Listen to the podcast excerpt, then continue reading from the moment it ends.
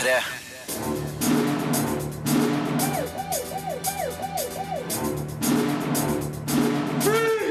Filmpolitiet! What's your name, dude? Birger Vestmo. What kind of stupid name is that? Eventyret om Askepott er en storslagen hyllest til det gamle eventyret. Will Smith underholder som svindler i Focus. Den tilfeldige rockestjernen er en gavepakke til Kaizers Orchestra-fans. James Gandolfini skinner i sin aller siste film The Drop. Og den argentinske Oscar-kandidaten Wild Tales er mørk, morbid og morsom. De her premierefilmene anmeldes i denne utgaven av Filmpolitiet, der vi òg spør regissøren av premierefilmen Svenskejævel, Ronny Sandal, hva han syns om uttrykket partysvenske. Dessuten skal vi snakke om de kommende filmene Frost 2, Star Wars Rogue One, Ghostbusters og det at Liam Neeson påstår at han skal slutte som actionstjerne. Filmpolitiet anmelder film. Miss, what do they call you? Never mind what they call me. Når Disney lager en ny filmversjon av et eventyr som verden kjenner best fra deres egen klassiker, er det ikke å forvente at kruttet finnes opp på nytt. Med regissør Kenneth Branagh bak kamera har eventyret om Askepott blitt en storslagen og overdådig hyllest til det gamle eventyret, slik vi kjenner det fra tegnefilmen fra 1950. Noen av figurene og omstendighetene virker kanskje håpløst gammeldagse, men samtidig er det òg litt befriende å se et gammelt eventyr bli feiende flott fortalt, uten snev av modernisering. Oh, dirty Ella. Cinderella. That's what we'll call you. Oh, girls, you're too clever. Filmen forteller hvordan Ella, spilt av Lily James, blir brukt som tjener av sin onde stemor, spilt av Kate Blanchett, og to forferdelige stesøstre. Hvordan de gir hun tilnavnet Cinderella. Hvordan de nekter hun å gå på slottsballet, der prinsen, spilt av Richard Madden, skal finne noen å gifte seg med. Hvordan hun får uventa hjelp av den gode feen, spilt av Helena Bonham Carter. Hvordan hun tar prinsen med storm. Hvordan hun må storme ut ved midnatt og kun etterlate seg en sko av glass. With the last echo of the last bell, at the last stroke of midnight, the spell will be broken. Manusforfatter Chris Whites har beholdt mange av de klassiske elementene og tilført lite nytt. Dermed får vi en gjenkjennelig Askepott. Gammeldags, men tro mot eventyret. Sjøl om historiens kjønnsrollemønstre så avgjort er fra en annen tid, fungerer filmens enkle logikk fremdeles, også for de minste. Askepott trenger en vei ut, og prinsen presenterer seg sjøl som en gyllen anledning. Men det fungerer òg motsatt. Prinsen vil ikke møte tradisjonelle forventninger om å gifte seg kongelig. Møtet med Askepott er hans mulighet til å følge hjertet. Kenneth Branagh burde bare brukt mer tid på å fortelle hvordan den store romantikken kan oppstå på så kort tid. Hjertene banker ikke hardt nok. They're all looking at you. Believe me, they're all looking at you. Eventyret om Askepott er mynta på det samme publikummet som gjorde Frost til Disneys mest innbringende film noensinne. Det er nok ikke tilfeldig at den nye kortfilmen Frozen Fever vises i forkant. Filmene befinner seg i samme eventyrunivers, bl.a. med tilsynelatende norskinspirert topografi med fjord og fjell. Eventyret om Askepott kunne kanskje med fordel hatt noe av Bass Lurmans friske filmspråk, eller Ridley Scotts visualitet, spesielt fra hans underkjente eventyrfilm Legend. Men Kenneth Branagh er ingen smågutt som regissør. Askepott er fantastisk flott filma i eventyrlige omgivelser. Ingenting er spart når det gjelder fargesprakende kostymer, overdådige kulisser eller gnistrende effekter.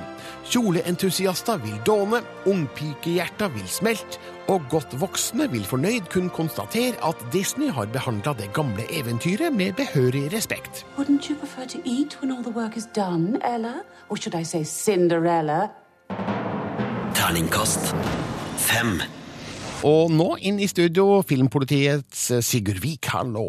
Hallo, Birger. Eh, Vi har jo allerede vært innom Disney i dag i form av eventyret om Askepott, men eh, vi er nesten nødt til å snakke mer om Walt Disney Company i dag. Ja, de hadde jo et møte i, i går, det her Disney-gjengen, hvor de la fram en del, skal vi si, spennende nyheter. Det første det er at det kommer en oppfølger til animasjonsfilmen Frozen, altså en Frozen 2.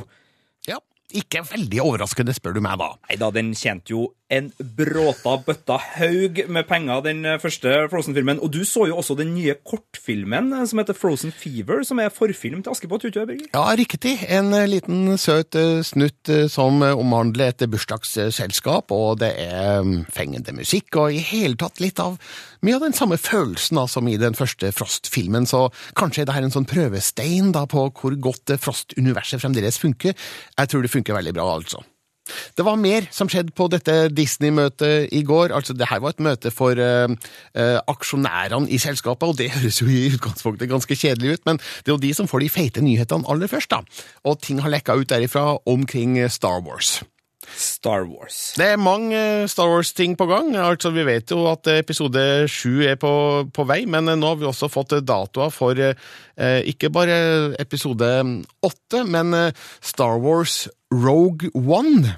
En spin-off Star Wars-film, og jeg må ærlig innrømme at det her var ikke noe jeg var, var dypt inni. Jeg, jeg var klar over at vi skulle få nye Star Wars-filmer, Ja. og så begynner det å dukke opp nye Star Wars-filmer i tillegg til de nye Star Wars-filmene, og da blir jeg litt sånn smått forvirra.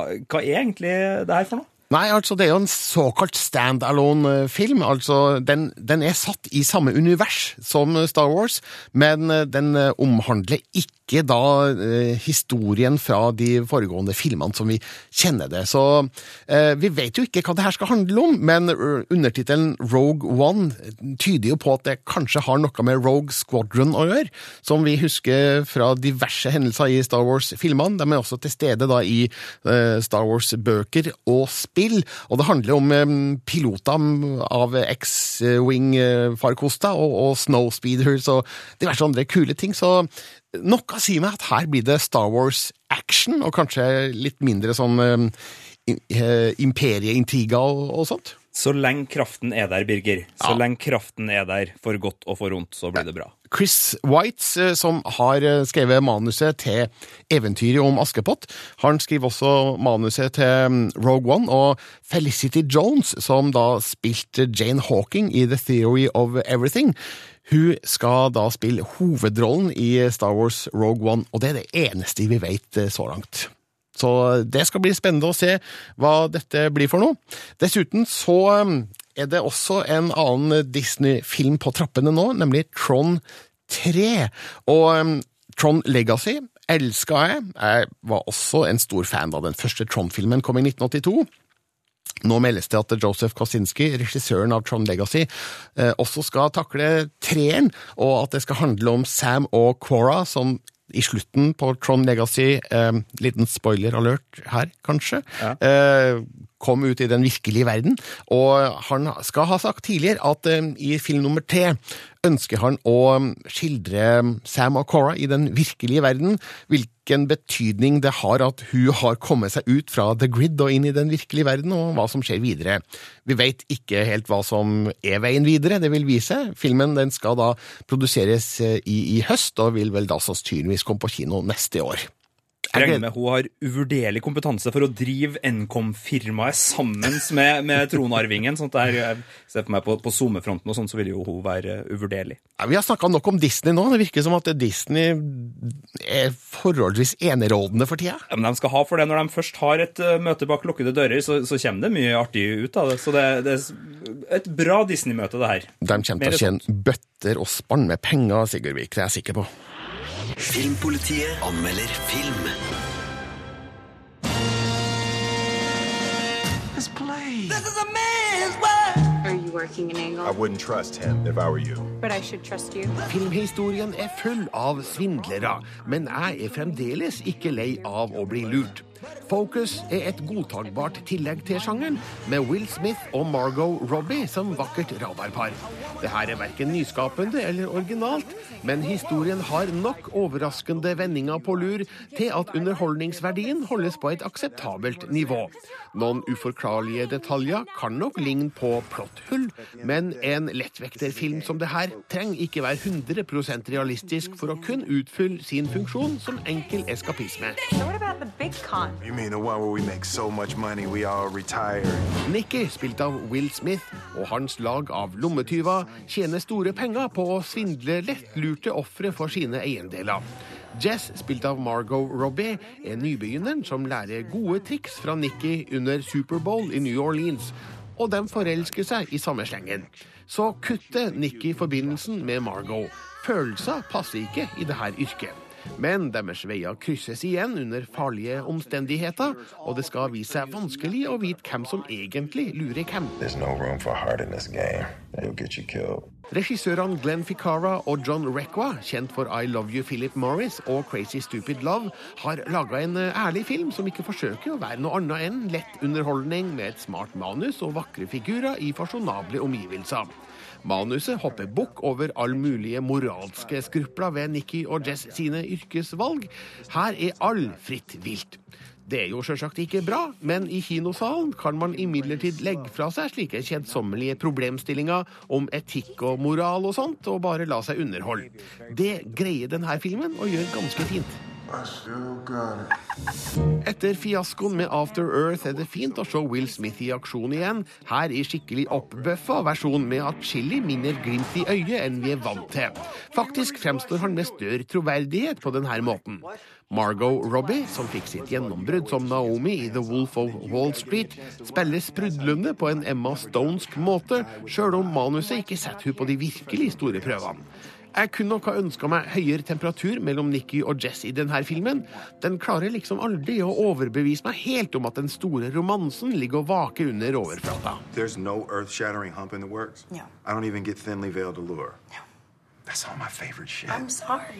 Dersom du følger godt med, legges det ut flere spor i fokus om det som kommer senere i historien.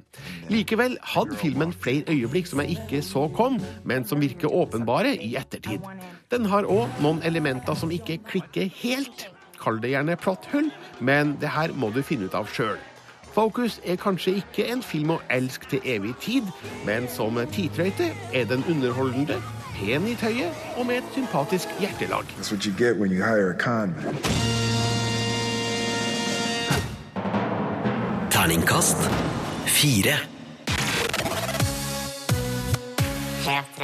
Det blir norsk rockehistorie på kino i helga. Den tilfeldige rockestjernen er en dokumentar om eh, ompa-rockerne i Kaizers Orkestra, med et spesielt fokus på mannen som skjuler seg bak bandets ikoniske maske. Den tilfeldige rockestjernen blir anmeldt av Sigurd Vik. Filmpolitiet anmelder film. Jeg har aldri drømt om å, å, å spille store konserter, egentlig. Generelt. eh, Det var mer det å spille i lag med noen andre som min drøm. Helge Risa er mannen bak gassmaska og orgelet i Kaizers Orkestra. Og nå har han fått sin egen kinofilm. Gjennom en formlegen dokumentar som byr på både Kaizers mytologi, småsurrealistiske metagrep og en del privatfilm, forteller regissør Leiv Igor Devold ei nær historie om en helt uvanlig norsk rockestjerne. Fyren her er ikke interessert i musikk. Det at han liksom er hovedpersonen i Norges kanskje mest kjente rockeband, er så far out at liksom ingen forstår hvor, far out det er egentlig. Den store tilfeldigheten i den tilfeldige rockestjernen er at Helge Risa, som ung, litt lavmælt og religiøs student, møtte vokalist Jan Ove Ottesen på lærerskolen. Et bekjentskap som førte Helge inn på orgelkrakken til et av Norges mest populære rockeband. Filmen følger orgelspilleren sitt liv i bandet, og hvordan han fant sin rolle som den noe mørke figuren Omen Kaiser på scenen. Og hvordan det har vært å kombinere livet som musiker og familiemann. Her blir vi med Helge og kona på skitur, og vi får se Kaiser-gjengen filme hverandre backstage på turné. Som faktisk symboliserer hva Keisers står for. Det er noe mørkt, det er noe mystisk. Leiv Igor Devold har satt ut på et ambisiøst prosjekt. Det her er Kaizers Orkestra sett gjennom Helges øyne, som det står på plakaten. Men det er også en tredelt film. Det er ett stykke portrett av Helge, ett stykke dokumentar om Kaizers Orkestra og ett stykke metafilm om Kaizers sitt fiksjonsunivers, sett i drømmeaktige sekvenser gjennom Helge eller Omens gassmaske. Det er en formløk som tidvis fungerer veldig godt, men formen gjør også at dette blir en fragmentert film, hvor noen historier bare får en start, og hvor fokuset i fortellinga av og til flyter ut og forsvinner litt i kulissene. Det blir også et par historier for mye, og spesielt fokuset på fire veldig hengivne Kaizers-fans blir et eh, sidespor som jeg syns tynger filmen for mye i retning av å bli en Kaizers-dokumentar, og ikke en Helge-dokumentar. Han er den rockestjernen av alle rockestjerner som ikke skulle blitt rockestjerne, som har blitt et av Nordens største rockeikoner. Helges historie er likevel sterk nok til å tåle de ulike formgrepene. Og jeg trives godt i selskap med den underfundige, ganske morsomme og hyggelige maskemannen. Dette er også en viktig del av norsk rockehistorie, sett fra et unikt ståsted. Den tilfeldige rockestjernen er ikke nødvendigvis en film for alle. Det er en film som krever oppmerksomhet, og som serverer noen formmessige tålmodighetsprøver. Men hvis du digger Kaizers Orkestra, liker dokumentarfilmer som utfordrer, eller rett og slett bare er nysgjerrig på mannen bak gassmaska, så er det her en berikende filmopplevelse.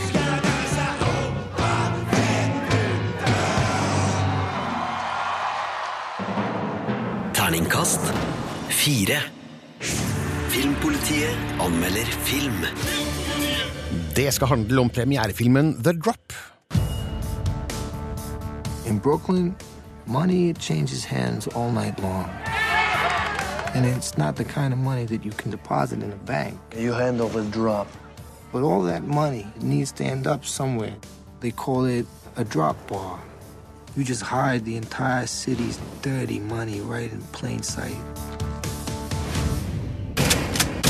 All your money in the bag. Do you know what you're doing? Do you know whose money you're jacking? Jeg har ikke sett The Drop, men det har du, Sigurd Vik. Oh yeah. Jeg syntes jeg hørte Tony Soprano på slutten der. Ikke langt unna det. Det er James, James Gandolfini sin aller siste film, det her. Vi mistet jo- Snufs. Ja. Snufs. Vi mista den giganten dessverre sommeren 2013. Og eh, det her er en eh, rolle som Det her kunne ha vært Tony Soprano i et annet parallelt univers, for det er fremdeles ikke så langt unna New Jersey. Vi er i Brooklyn, New York nå. Ja. Og det er en eh, tjukk eh, skurk som er lite fornøyd med seg sjøl, ganske usunn livsstil og, og, og har litt sånn problemer. Så, så absolutt et, eh, et eh, alternativt eh, stykke Tony Soprano vi, Ja, vi får servert her. En passende svanesang for James Gandolfini. Absolutt, og en, en veldig solid en, som vi hørte på, på, på lydklippet her, der handler om uh, skurkeverdenen i, i New York. Og for oss, Birger, som ikke har så mange skurker i umiddelbar vennekrets, så er det jo veldig spennende å få lov til å bli med inn på, på skyggesiden i storbyen, og det her er seigt og kult, og det er flotte skuespillere. Det er Tom Hardy og James Gandolfini i hovedrollene. De er fettere og, og driver en bar sammen. Den baren er sånn hvitevaskingssentral for nabolaget, og tidligere så var det James Gandolfini sin bar, så han var liksom stor, men så har den tsjetsjenske mafiaen kommet inn. De er jo litt mer brutale og, og har da tatt over. så det er liksom der eh, landskapet ligger, og så blir det jo litt sånn eh, trøbbel, da, for James Gandolfini har ikke lyst til å bare liksom fade ut og la tsjetsjenerne stikke av med pengene, så han uh, hatcher ut en liten plan, og så blir det jo spennende å se hvordan det her går. Mm.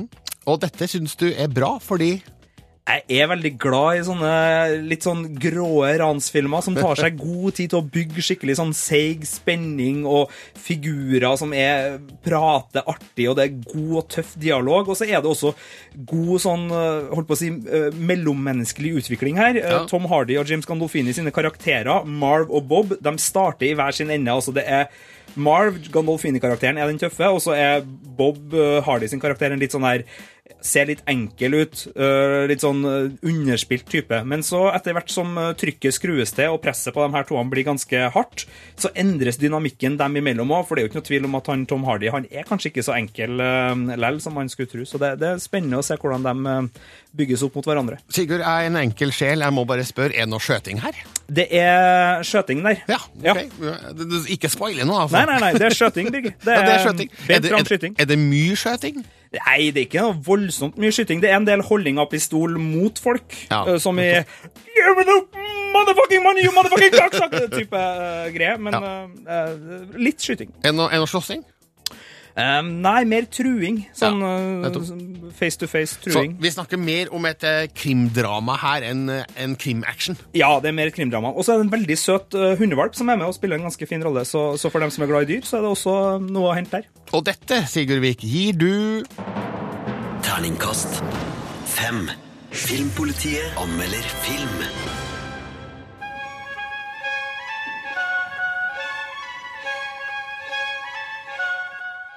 Vanlige menneskers hevnlyst etter urett som blir begått mot dem, er tema i den argentinske Pedro Almodovar-produserte novellefilmsamlinga Wild Tales. Og det her er i sannhet ville historier, der forholdsvis uskyldige utgangspunkt tar en dreining mot det absurde, morbide og komiske. Det er en sann fornøyelse å se denne filmens evne til å ta menneskelige reaksjonsmønstre på kornet, bare i et deilig overdrevet format. De seks historiene handler om en spesiell hevnaksjon om bord i et fly, en kelner som får en spesiell kunde, en mann som tar et oppgjør med parkeringsetaten, en vill krangel mellom to bilister på en øde vei, en rik familie som forsøker å sno seg unna en stygg bilulykke, og en krise mellom et par i deres eget bryllup. ¿Cómo Tu compañera de trabajo. De tre første delene er de beste. Allerede før fortekstene har vi blitt utsatt for den spesielle flysekvensen, som ender i et fantastisk stillbilde, som med all tydelighet signaliserer hvor langt regissør Damian Schifron er villig til å dra den sorte humoren. Det er kanskje ingen av de påfølgende delene som greier å matche åpninga, men det er mye moro å hente der. Spesielt krangelen mellom de to bilistene har en herlig eskalerende temperatur, som ender opp i et blodig tarantinosk klimaks. Og en manns kamp mot parkeringsetaten kan få noen og enhver til å nikke gjenkjennende til offentlige etaters firkanta kundebehandling. Filmen avrundes med et fantastisk bryllup, som går virkelig av hengslene når bruden fatter mistanke til at brudgommen har hatt et forhold til en av gjestene. Skuespillet er førsteklasses, fotografen imponerer, regien er inspirert, og filmen mister aldri drivet, sjøl om den første halvparten altså er best. Kanskje kun delen om familien som forsøker å vri seg unna en påkjørsel, med fordel vært kutta av lengdehensyn. Men denne herlige samlinga historier er en morsom studie i menneskers beinharde rettsfølelse, samt et spark mot den sosiale og økonomiske situasjonen i Argentina. Episodene er kanskje overdrevne, men full av åpenbare sannheter om vårt instinktive raseri mot urett. Wild Tales er mørk, morbid og morsom.